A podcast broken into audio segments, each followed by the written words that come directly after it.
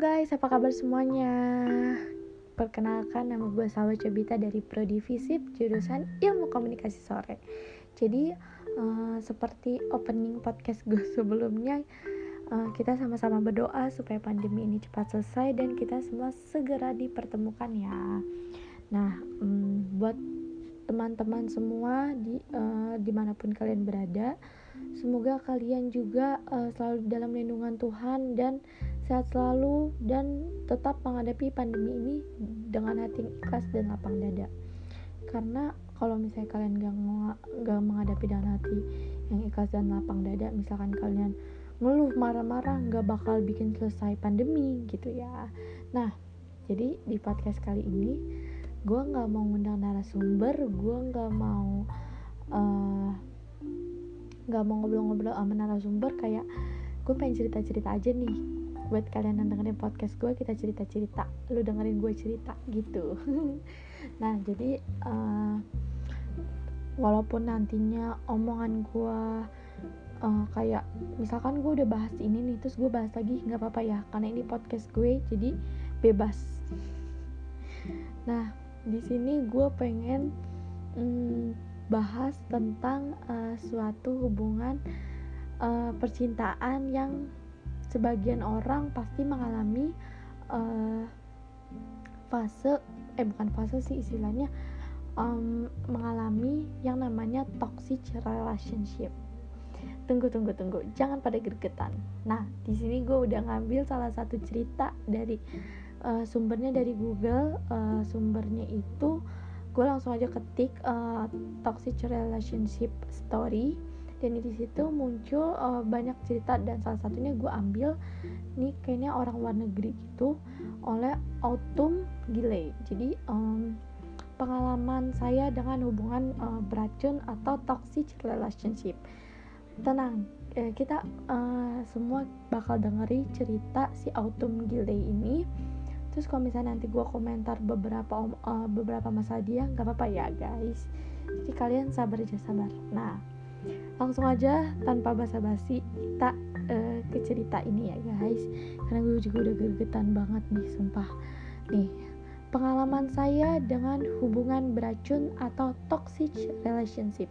Jadi ini tadinya bahasa Inggris di webnya terus gue udah terjemahin gitu nah autumn autumn gile. Kita panggil aja autumn gile ya.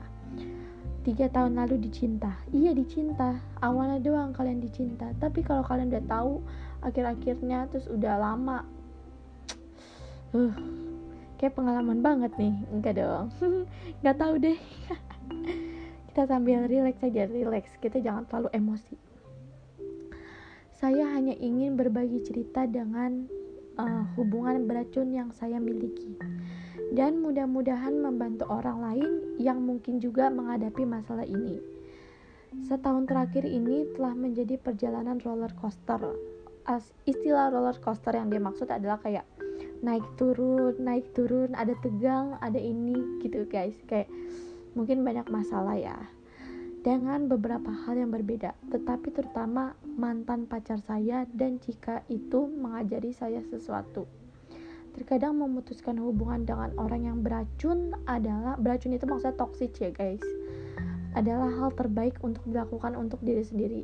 Iya bener kayak lu putus sama cowok lu yang toksik itu hal terbaik karena lu itu berlian. Lu lu itu ratu di diri lu sendiri. Jadi kayak itu bener-bener paling baik guys. Baik banget. Buat kalian yang lagi dalam hubungan itu ayolah kita keluar guys. Nah terus kita cerita lagi ya. Kami berdua telah bersama selama hampir tiga setengah tahun. Wow udah lama banget sumpah. Saya baru berusia 16 tahun beberapa bulan sebelum bertemu dengannya. Dan dia akan berusia 17 beberapa bulan setelah kami mulai berkencan. Jadi uh, jar umurnya lumayan, enggak ini ya, enggak jauh. Jadi kami adalah sahabat satu sama lain di sekolah menengah dalam arti tertentu. Dia kayak sahabatan gitu di sekolah mungkin ya. Ya kayaknya kami benar-benar hanya mengenal satu sama lain selama sekitar dua bulan sebelum kami pergi kencan pertama dan kemudian mulai berkencan pada malam yang sama. Jadi dia mungkin PDKT itu dua uh, dua bulan ya sebelum dia jadian mungkin gitu ya. Nah mungkin yang pertama dari banyak bendera merah yang muncul. Wow apakah itu? Enam bulan pertama benar-benar luar biasa. Ya iyalah ya. Namanya juga awal-awal cinta ya pasti. Masih anget-anget lah saya sangat bahagia akhirnya saya menemukan seseorang untuk mencintai saya untuk saya dan menerima siapa saya terlepas dari itu dan dari uh, kurangnya agama atau perilaku saya. Yang tampaknya menjadi masalah utama dalam banyak hubungan pertemanan saya sebelumnya kayak spesial itu guys. Dia manis, baik hati, pengertian, dan mendengarkan saya tanpa keluhan sedikit pun awal nih guys. Awal. Skip. Dengerin guys. Dengerin dulu. Sabar. Setidaknya sampai saya memutuskan saya siap memberikan diri saya kepadanya atau setidaknya saya pikir saya sudah siap. Jadi kayak misalkan ya dia di kayak gue cinta sama lu. Kayak mungkin uh, tanda jadian gitu lah ya. Dia uh, kayak nerima mungkin. Siap itu kayak arti kata dia nerima gitu dia sudah secara halus mendesak tentang semuanya setelah beberapa bulan bersama. Tetapi sebagai remaja naif, saya tidak menganggapnya sebagai tekanan. Setelah tanda bulan ke-6 akhirnya tiba. Saya merasa siap dan akhirnya saya membiarkan dia memul uh, mulai oh di sini nih gue baru baca jadi dia tuh kayak uh, dari awal-awal dia udah kayak mm, minta apa sih kalau misalnya dalam hubungan itu kayak uh, misalkan lagi berantem terus itu kayak yaudah sini lu yang gue pukul sebagai uh, amarah pelampiasan lu. Ini menurut yang uh, gue baca ya menurut yang gue baca ini bahasanya terlalu berlibat-libat kira-kira sebulan kemudian dia mulai menjadi kurang sabar. Ini uh, sebulan ya. Dengan saya kurang pengertian dan tidak sebaik dia sebelumnya dia mulai menjadi sangat tidak komunikatif. Hmm, jadi kayak kehilangan apa ya kehilangan kayak istilahnya rada renggang gitu hubungannya. Padahal baru sebulan guys baru sebulan. Dan saya tidak uh, dengan saya dan tidak mau mendengarkan ketika saya mencoba memberitahu dia apa yang mengganggu saya. Jadi ketika itu cewek merasa nggak nyaman dia ngasih tahu ke tapi dia nggak mau dengerin gitu dia bertindak seolah-olah depresi dan kecemasan saya merupakan beban besar baginya dan akan kesal dengan saya. Wah ini parah banget sih, padahal udah di kayak harusnya lu tuh denger semua keluh kesah cewek lu malah menjadi kayak beban keluh kesah cewek lu tuh malah menjadi beban lu gitu. Kita dengerin ya, dengerin lagi. Itu komentar gue. Setiap kali saya menjadi paranoid atau super down beberapa hari, dia terus-menerus mengatakan bahwa saya tidak punya alasan untuk depresi karena saya meminta dia untuk membuat saya bahagia. Dan dia melakukannya tetapi harus diketahui bahwa itu bukanlah cara kerja depresi. Oke, kita baca lagi. Pada titik tertentu dia akan terus mengganggu saya, menabrak saya ketika berbicara atau mengabaikan sama sekali apa yang saya katakan. Wah, parah banget sih kalau misalnya hubungan renggang gara-gara jarang komunikasi karena itu benar-benar kayak bakal menjadi apa ya ya renggang bikin renggang. Kalau misalnya hubungan kita tuh jarang komunikasi terutama ketika menyangkut perasaan saya atau apa yang mengganggu saya. Dia akan pergi berjam-jam tanpa berbicara dengan saya. Saya berbicara antara 8 sampai 12 jam. Kadang-kadang dia pergi 24 jam penuh tanpa berbicara dengan saya. Kayak mungkin tanpa ngabarin gitu. Wah parah ini. Sama sekali tidak dapat tidak mendapat peringatan atau apa pun dan itu akan memicu semua jenis par paronia dan serangan panik. Oh, jadi ketika cowoknya gak ngabarin 24 jam dia tuh kayak panik gitu. Kayak mungkin panik ya kayak khawatir. Terutama karena saya khawatir. Nah, bener kan? Apakah dia baik-baik saja atau tidak? Itu selalu menjadi perhatian utama saya. Tidak peduli beberapa kali saya mencoba untuk mengatakan kepadanya bahwa hal ini mengganggu saya, dan jika dia tahu dia akan sibuk atau terganggu untuk mengambil 5 detik untuk mengirim pesan kepada saya dan berkata saya akan sibuk untuk sementara waktu. Saya akan berbicara dengan kamu nanti. Ya sih benar. Harusnya uh, kalau misalnya mau up, mungkin ini ceweknya tuh khawatir dikarenakan cowoknya juga ngabarin kan kalau ngapa-ngapain. Tapi tuh ketika cowoknya ngeluh misalkan uh, nih cewek bilang kamu tuh kalau misalnya mau pergi atau ke mana kamu tuh kabarin aku. Tapi nih cewek nih cowok tuh malah kayak aduh aku sibuk nggak bisa gitu ngabarin kamu. Menurut simpelnya gitu ya simpelnya simpelnya cerita ini gitu. Nah uh, terus habis itu uh, itu saja yang saya minta adalah pengertian dan komunikasi. Nah, jadi dia kayak setelah sebulan dia kayak agak renggang komunikasinya ini bakal memicu ini loh bakal memicu suatu hubungan. Tapi saya tidak pernah mendapatkannya dan rasanya seperti sedang bicara dengan tembok bata waduh parah banget ya. Awal-awal doang ini dia manis pada baru sebulan loh guys. Ini terus berlanjut selama hampir seluruh hubungan dan akhirnya kemudian setelah 2 tahun. Wow bertahan juga ya guys. Nah abis itu uh, dia bercerita tentang nih nih ada uh, aku ngambil yang uh, inti-intinya aja guys. Ini sekali, sesekali kami pergi mencari makan tetapi biasanya makanan itu cepat saji.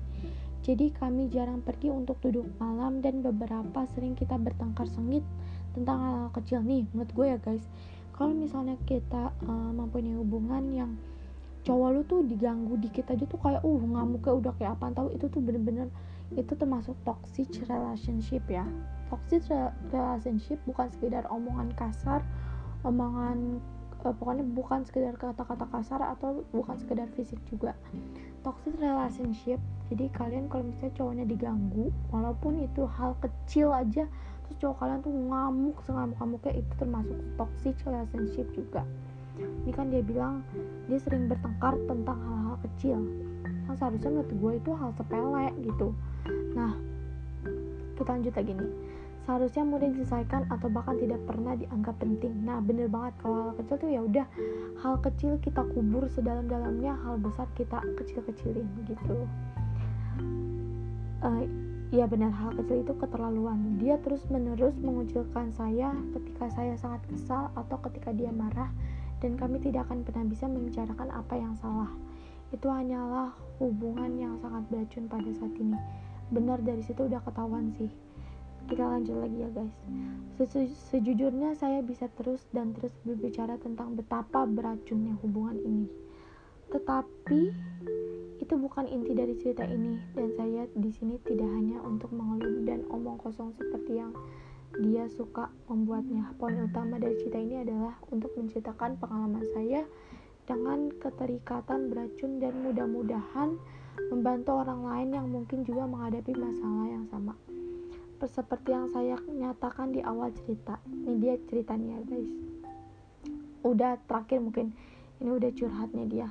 Seperti yang saya nyatakan di awal cerita, setahun terakhir ini telah menjadi perjalanan roller coaster. Saya akhirnya sudah muak dengan itu semua pada awal Maret tahun lalu dan saya putus dengannya untuk selamanya. Bagus banget karena buat kalian yang merasa ditoksikin ditoksik sama cowok kayak kalian tuh queen di dalam diri kalian sendiri kalian tuh berlian kalian tuh berharga jadi udah nggak usah nggak usah pikir panjang udah langsung aja tinggalin. Karena cowok kayak gitu tuh nggak bakal jerah guys pakai omongan percaya deh sama gue. Kita ngadain lagi ya cerita di uh, curhatan dia. Beberapa bulan pertama sulit karena meskipun menjadi satu-satunya yang mengakhiri segalanya pasti pasti banget. Walaupun dia toxic pasti dia juga punya kenangan sama kita ya. Tetap sa nih karena meskipun menjadi satu-satunya yang mengakhiri segalanya tetap saja menyakitkan. Saya benar-benar mencintainya dan meninggalkannya adalah salah satu keputusan tersulit yang harus saya buat semua kayak gitu. Aku mencoba berteman dengannya sebentar karena aku merasa tidak enak dan karena sebagian diriku masih ingin melekat padanya. Gue nggak masalahin dia uh, kayak masih cinta gitu, tapi yang gue saranin sama dia kayak ya udah lu berteman aja kalau misalnya lu masuk lagi ke dalam jurang. Ini nih hubungan toxic relationship. Lu bakalan nyiksa batin lu walaupun seutuhnya di hati lu tuh masih ngeleket ke sama dia tuh masih melekat gitu. Kita dengan lagi cerita dia.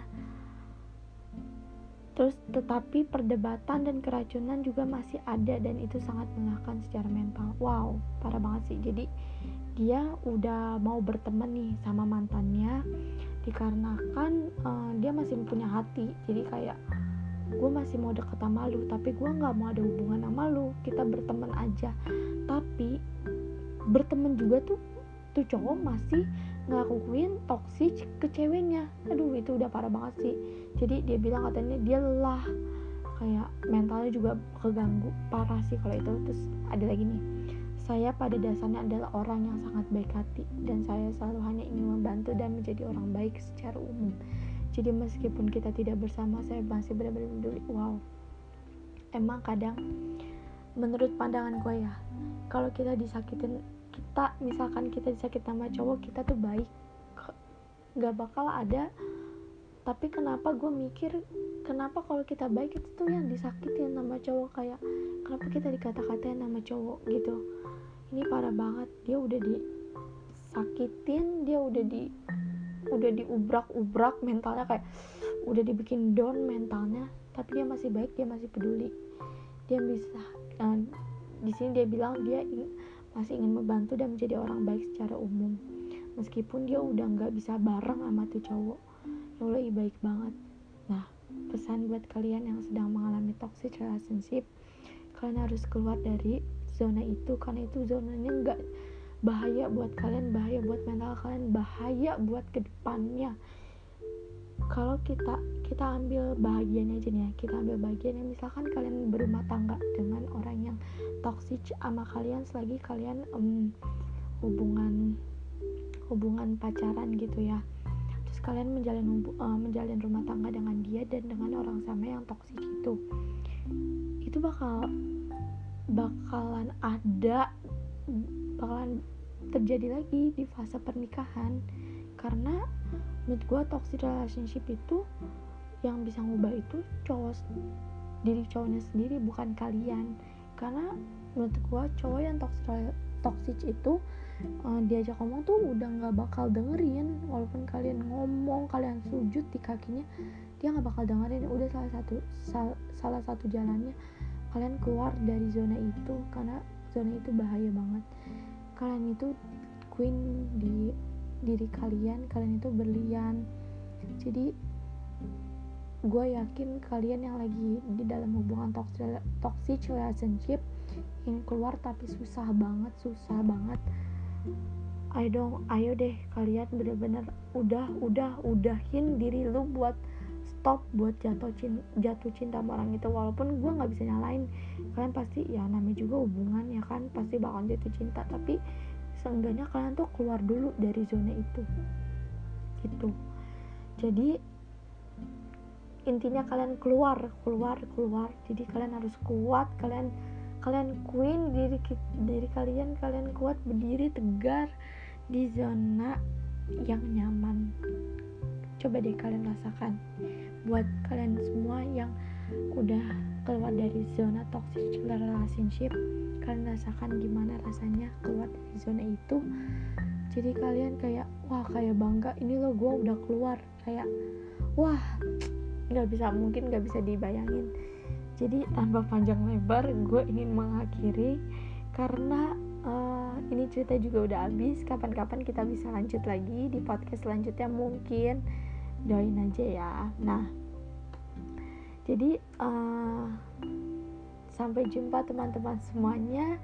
Buat yang nonton terima kasih.